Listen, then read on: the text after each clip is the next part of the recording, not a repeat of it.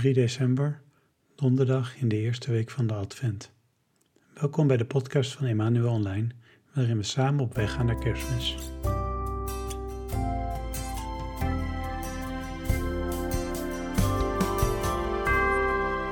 Gisteren hoorden we over de belofte van God aan Abraham. Gek genoeg zien we een stuk verder in de Bijbel dat God Abraham vraagt om zijn enige zoon te offeren. Abraham blijft echter op God vertrouwen, wat voor God vervolgens de deur opent om hem nog meer te zegenen. Net als de afgelopen keren zullen we vandaag ook eerst met wat muziek starten. Spreekt deze manier van bidden je aan? Kom dan vanavond naar onze online lofprijzing van 8 tot half 9. Meer informatie is te vinden op www.emmanuelonline.nl en in de show notes.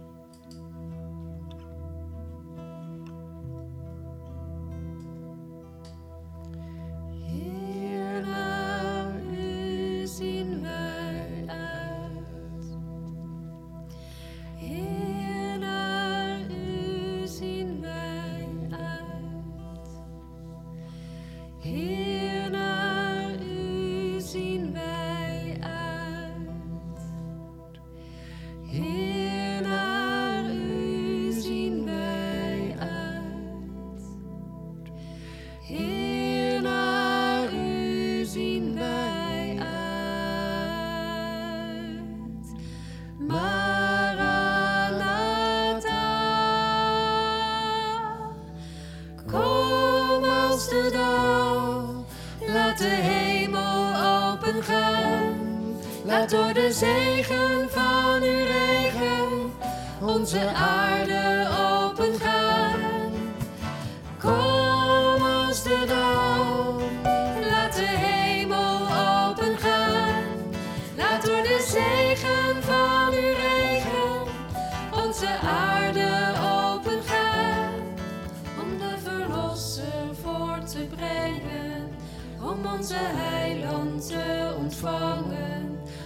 verlosser voor te brengen, om onze heiland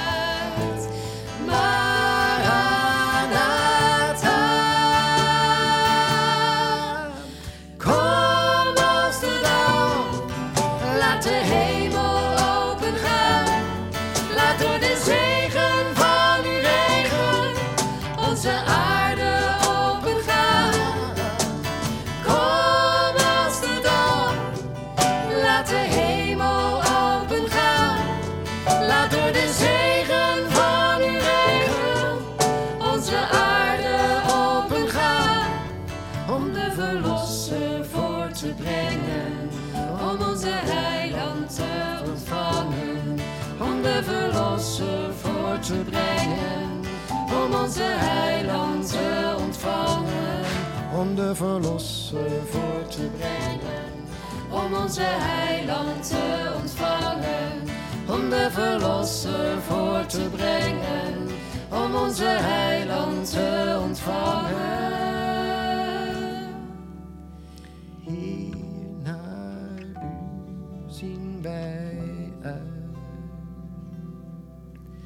Heer,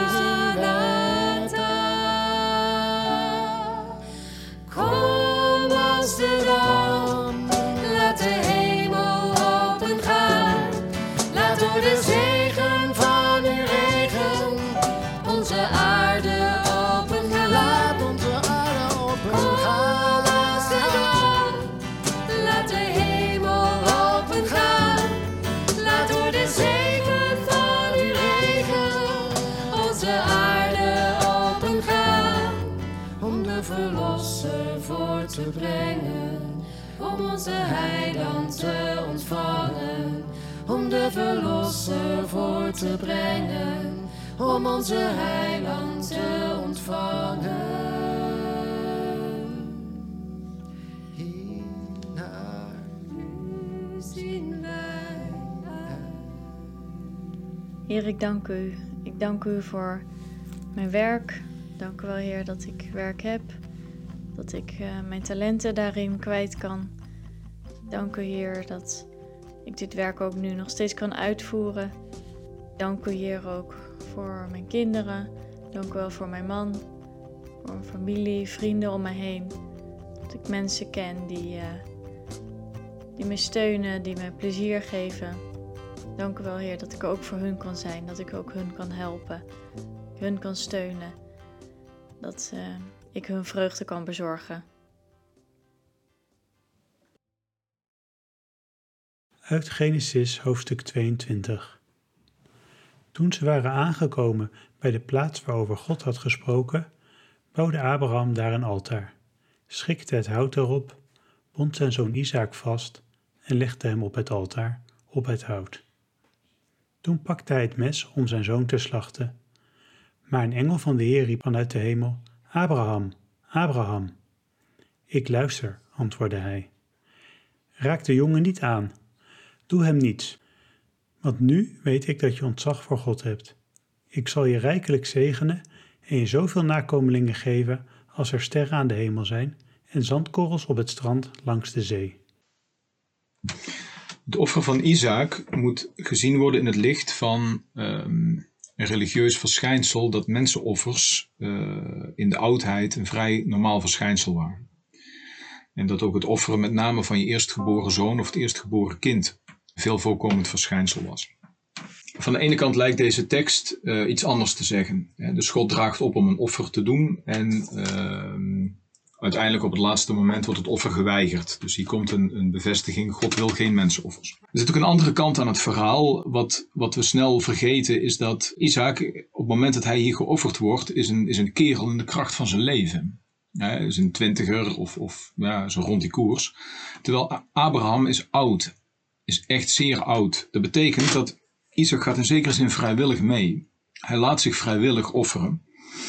En dat is ook waarom kerkvaders al in een vrij vroeg stadium hier een beeld hebben gezien van Jezus. Jezus die het hout van het kruis, eh, dus niet het hout van het offer, het, het, brandoffer, de berg opdraagt, maar het hout van het kruis. En zich in dit geval wel laat offeren. En dan een offer voor de hele mensheid brengt. Dus Isaac hier als beeld van Christus, of Christus als de nieuwe Isaac. En werpt in die zin een ander licht op, eh, op deze tekst, waarin God uiteindelijk zijn zoon offert omwille van de mensheid. In plaats van ja, dat hij mensen offers wil om, om genoegdoening te krijgen.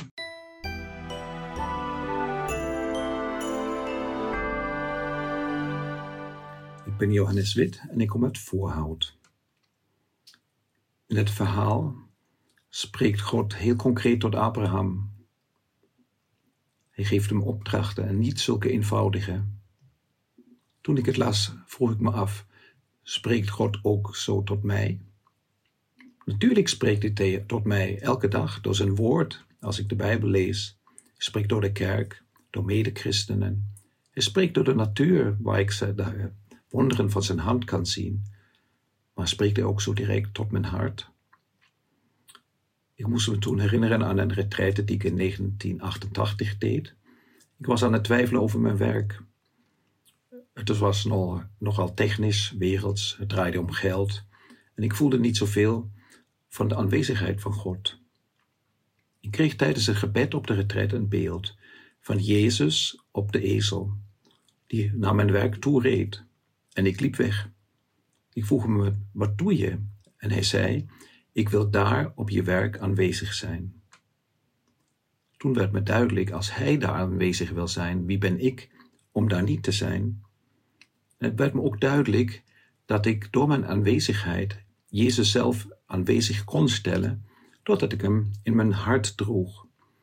Misschien hoefde ik niet veel meer te doen dan hem zo aanwezig te stellen, verborgen zoals in de tabernakel. Het heeft me geholpen om te blijven. En ik mocht door de jaren heen, gelukkig, christenen ontmoeten op mijn werk. We hebben een kleine bijbelgroep. Ik had gesprekjes met mensen, onverwachts. Ik ben dankbaar voor al die gesprekken. Als ik terugkijk, waren het vaak de hoogtepunten die ik mee heb gemaakt.